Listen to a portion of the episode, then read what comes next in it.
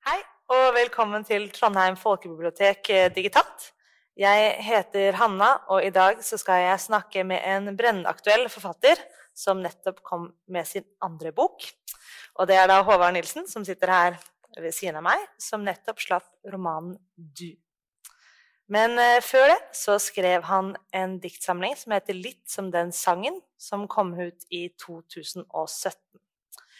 Og i denne diktsamlingen så følger vi en vending og et kjærestepar og deres forhold til verden, eh, egentlig mye via populærkulturelle og historiske referanser. Vi følger litt sånn måten de vever sin hverdag og sitt liv inn i liksom, materien rundt seg. Um, og så har du gjort et ganske stort hopp over til denne romanen Mm. du. Um, for selv om det er ganske mange sånne populærkulturelle referanser og veldig mye forankring mot det du leser eller lytter til, så er det også en veldig, veldig mye tyngre eh, bok. Og vi Mm. følger en som heter Sigurd, som flytter til Trondheim for å studere historie, og samtidig bryter ut av eh, pinsemenighet-miljøet som han har vært en del av Mm. eh, i Mosjøen. Og det er jo du vi skal snakke mest om i dag, men jeg tenkte vi kunne begynne litt med eh, denne litt som den sangen aller først, bare for å få litt inngangen din i Mm. forfatteryrket. Um, og kanskje aller først, eh, kanskje nesten litt dårligere, men å spørre deg om det, det første du gjør, er å lese en liten bit av denne diktsamlingen, så vi får et inntrykk av hva den går ut på.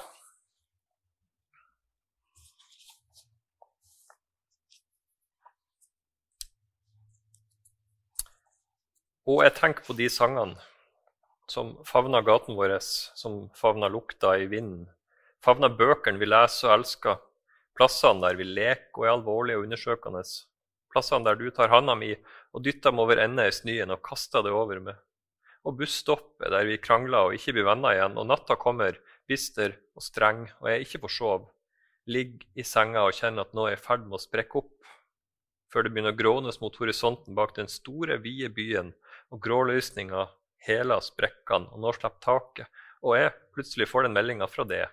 Og vi møtes, og ikke sier så masse, men ordner opp. Ordner alt som kan ordnes nå. Og ordene er viktige, og kroppene like viktige.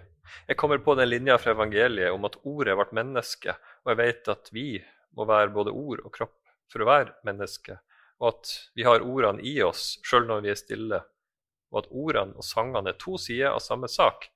At ordene ikke alltid trenger en stemme, men like så godt kan bæres av et blikk, en bevegelse med hoften, en piruett du gjør foran meg på isen, og flirer og snur deg bort. Mm. Og ja, det er jo nettopp denne hele tiden vinklingen mellom sanger og ord og musikk og historie og jeg personene. Men hvorfor skrev du akkurat den diktsamlinga? Oh, um, jeg, sendte noen dikt av Nils Øyvind, altså som er redaktøren min, Nils Øyvind Haagensen, i ja, 2015, var det vel. Uh, og så uh, De diktene, en del av de hadde vært på trykk i, i ulike tidsskrift før det. Uh, og så uh, syntes han av det var spennende, og så begynte vi å jobbe. Og så ble det en helt ny bok ut av den samlinga med dikta. Uh, og så etter hvert så utkrystalliserte seg den der formen med, med de ulike gatene eller plassene som utgangspunkt for de ulike kapitlene. Eh, og så begynte han å folde seg ut, den fortellinga om, om de her to, dikterjeget og, og kjæresten, da, som vimser rundt i verden og opplever og tar inn og hører på musikk og krangler og blir venner igjen. Og, og møter sånn, politikk og, og musikk og det som skjer. Eh, så det mm, så den ferdige boka ble noe helt annet egentlig enn det jeg sendte inn. Det, det sendte inn, Der lå liksom kima til det her, men det ble en helt annen bok enn Mm. enn det jeg sendte inn. Hadde du jobbet med det lenge før du sendte det til Nils Øyvind? Ja, de diktene som hadde vært på trykk i de tidsskriftene, Mm. de hadde jeg jobba veldig masse med. Mm. Um, Men har det alltid vært det å skulle bli forfatter som var liksom målet igjen? ja, jeg har Og hatt lyst til å bli forfatter siden, siden sånn, ja, første alder av 20-årene, kanskje. Mm. Mm. Så jeg skrevet og skrevet for å bli god nok. Mm. Mm.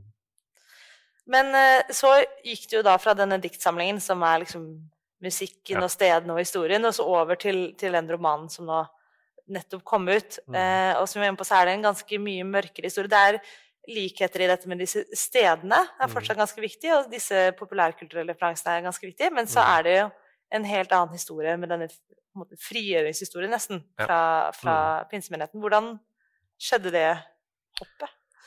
Oh, ehm, det, jeg begynte jo å snu spinn på nytt materiale rett etter at, at den her kom ut. da, På vårparten i 2017.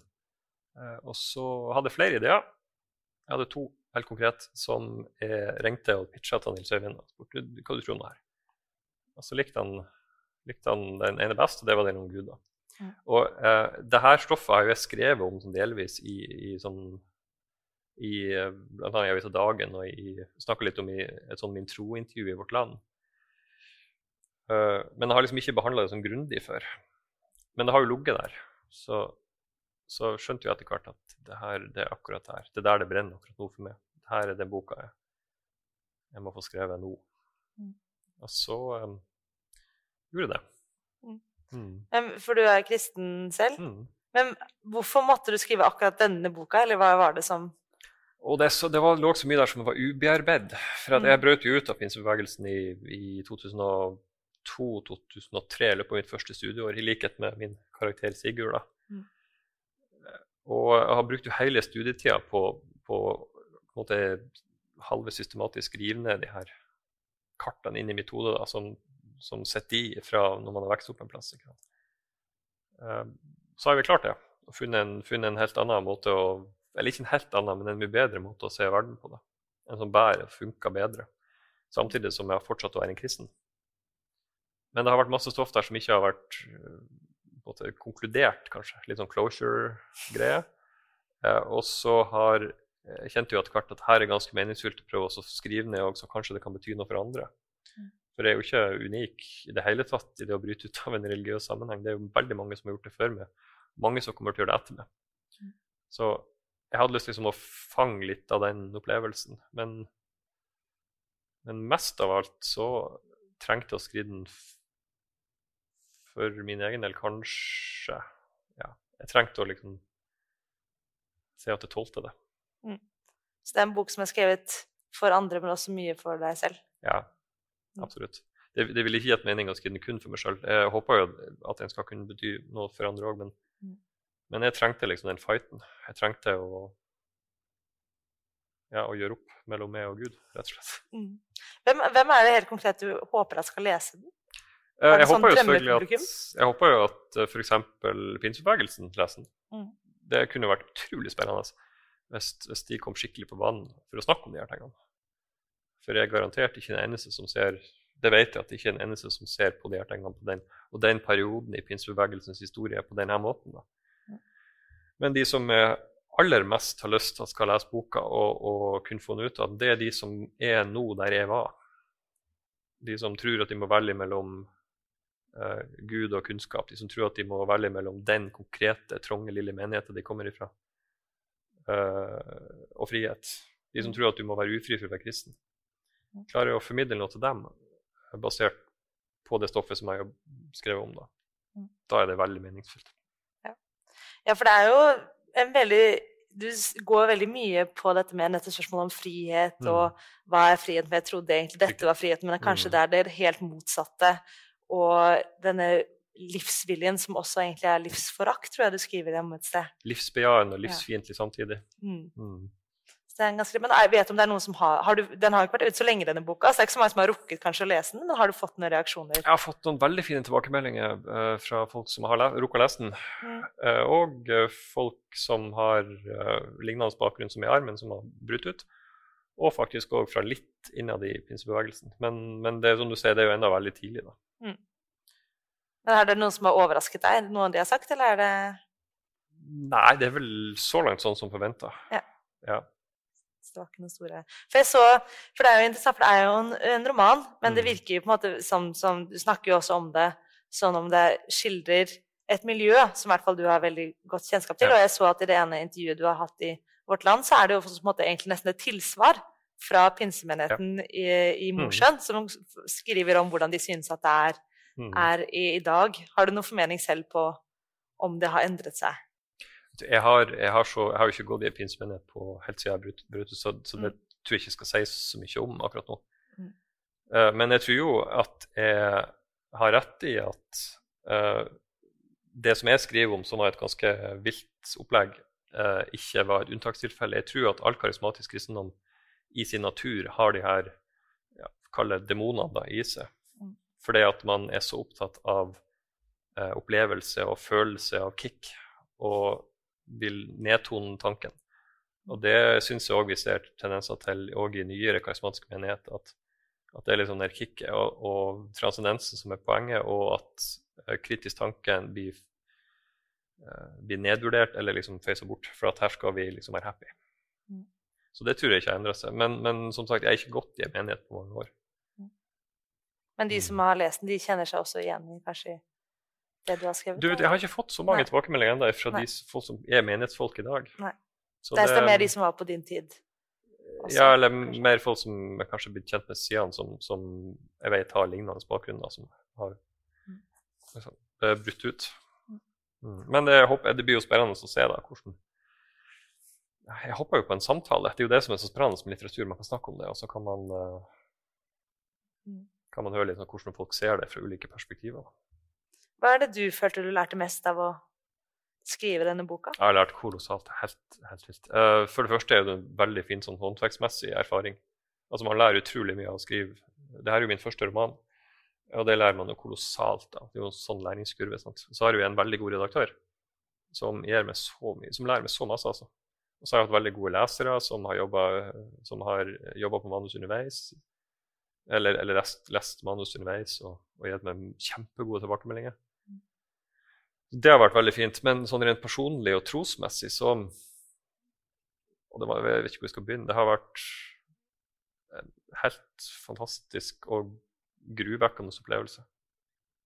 Så jeg du kommer ut av sånt prosjekt som en annen enn du gikk inn. Jeg kjenner det, det har skjedd et eller annet. Jeg prøver å sammenligne meg sjøl med den som jeg var når denne kom ut. Og det er en, en annen Håvard. Ikke, ikke fundamentalt annerledes, men det, det har skjedd noen ting. Det er noen ting som er slått sund, og det er noe som er kommet nytt inn som jeg tipper jeg kommer til å skrive mer om. Men Mm. altså, du tar ikke opp liksom, generalfighten med Gud uten, uten liksom å få merka det på godt og vondt. Mm. Mm. Ja, for det er, jo, det er jo et morsomt grep du gjør i boka. Dette, dette, dette duet, som Mm. romanen heter, det er jo Gud, som du, Ja, eller ikke du, men som Sigurd, Ja. i denne boka snakker direkte til hele tiden. Og det er jo en veldig Altså, han går jo nettopp ganske mye til ytterkantene, da, i denne gjennom Mm. transformasjonen sin fra å være troende til å gå ut av pinsemenigheten. Mm. Og så virker det som du nå personlig har gått enda kanskje et hakk videre i refleksjonen enn det Sigurd har rukket å gjøre i boka òg. Ja, det, mm, denne boka er jo egentlig bare et anslag. For han Sigurd, han øh, jeg vet ikke, Skal jeg spoile boka, eller hvordan Du kan få eh, spoile nok til at folk fortsatt har lyst til å lese den, kanskje. Ja. Nei, jeg kan si så masse som at dette er jo bare en start på Sigurds vandring, egentlig. Mm. Det er den store fighten som, som starten på Sigurds vandring Mm. videre. Så kommer flere bøker om Sigurd, eller? Se. Øh, det vil vise. Mm. Øh, men øhm, Men ja. Det, det er jo mer det, det er jo, det er jo mest av alt en Jakobs kamp, da. Mm. Uh, Jakob er jo en utrolig kul skikkelse, og veldig mye brukt skikkelse i, i kunsten. Han som slåss med Gud og overlever. Så um, ja. Vi får se. Det kan hende det blir mer. Mm. Mm. Har du noen forbilder innenfor litteraturen? Å, jeg har så mange. Det, men særlig for det prosjektet med du, da? Er det noen du har sett til? Ja, altså en som uh, Nå er jeg ikke sikker at jeg ligner så veldig på han i hele tatt. Og han er jo så mye flinkere enn meg så det er liksom en latterlig å sammenligne med. Ja, jeg sammenligner med egentlig ikke, men, men jeg har i hvert fall blitt veldig inspirert av Cormac McCarthy. Amerikanske. Han er helt fantastisk. Og det jeg liker så godt med han, det er at han får til å skrive så brutalt vakkert om i nesten sånn gammeltestamentlig stil. Noe stort og episk og, og voldelig.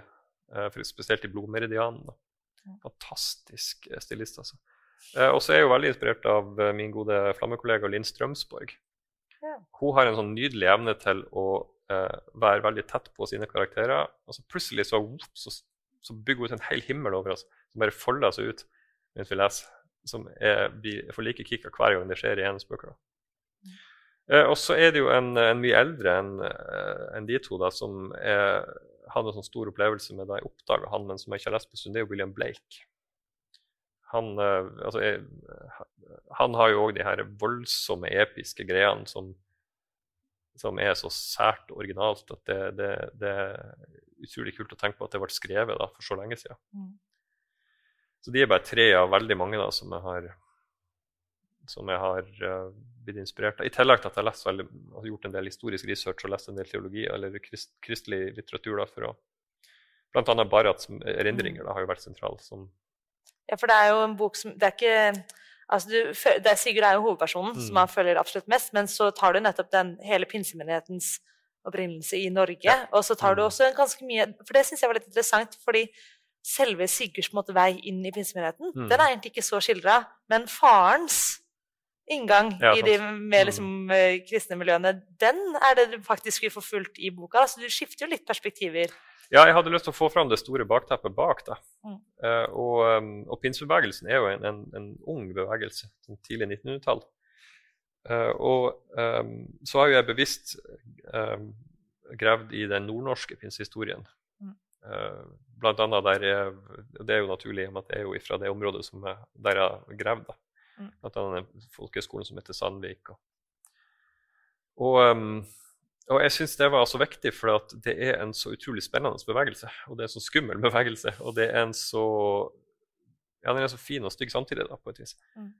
Og, og, så spennende som sånn um, historisk fenomen. da. Så, um, og så hadde jeg lyst til å gjøre, det, gjøre noe mer enn bare å, å, å vise Sigurd sin kamp. Jeg hadde lyst til å få fram liksom, hva, for, for, det er jo for han som for meg hadde jo vært uh, en, en, måte uh, altså viktig å se liksom hva du kommer ifra òg. Det er jo en, en, viktig del av oppgjøret. da. Mm. Pluss at det er godt litterært stoff. Uh, det er jo kjempe, altså de her historiene om f.eks. hvordan de bygde Sandvik. Nå har jeg ikke rukket å lese og, og, og skrive så veldig masse om det i boka, men det er jo et utrolig spennende stoff som mm. jeg ikke blir overraska hvis jeg skriver mer om senere. Mm. Ja, for det favner egentlig veldig mye sånne andre småhistorier også, denne, denne romanen her. Mm. Og som vi har vært inne på, så er jo du eh, selv kristen. Jeg tenkte vi kunne liksom avslutte med litt med at du kan si hva det er som er det mest oppløftende, og det minst oppløftende, kanskje, med å ha den sånn tro. Det er jo et gigantisk spørsmål, men jeg tror det er sånn, hvis jeg skal prøve å utkrystallisere det jeg har tenkt mye på i det siste, da, det at det fineste med å være kristen er at jeg får lov å være skyldig og dyrebar samtidig. At I møte med Gud så, så, er det umulig å gjemme seg du, på den gode måten. For du, det nytter ikke. Han, han, lar seg ikke lure av at jeg er flink å prate med han. Han ser liksom det meste. sikkert.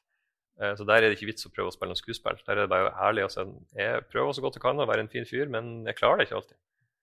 Eh, så jeg er skyldig, i likhet med alle andre. Men jeg er samtidig dyrebar og verdifull. Og i, den, i det spennet der er det, er det, veldig fint og sunt å være der, tror jeg. Eh, det mørkeste er jo akkurat det samme.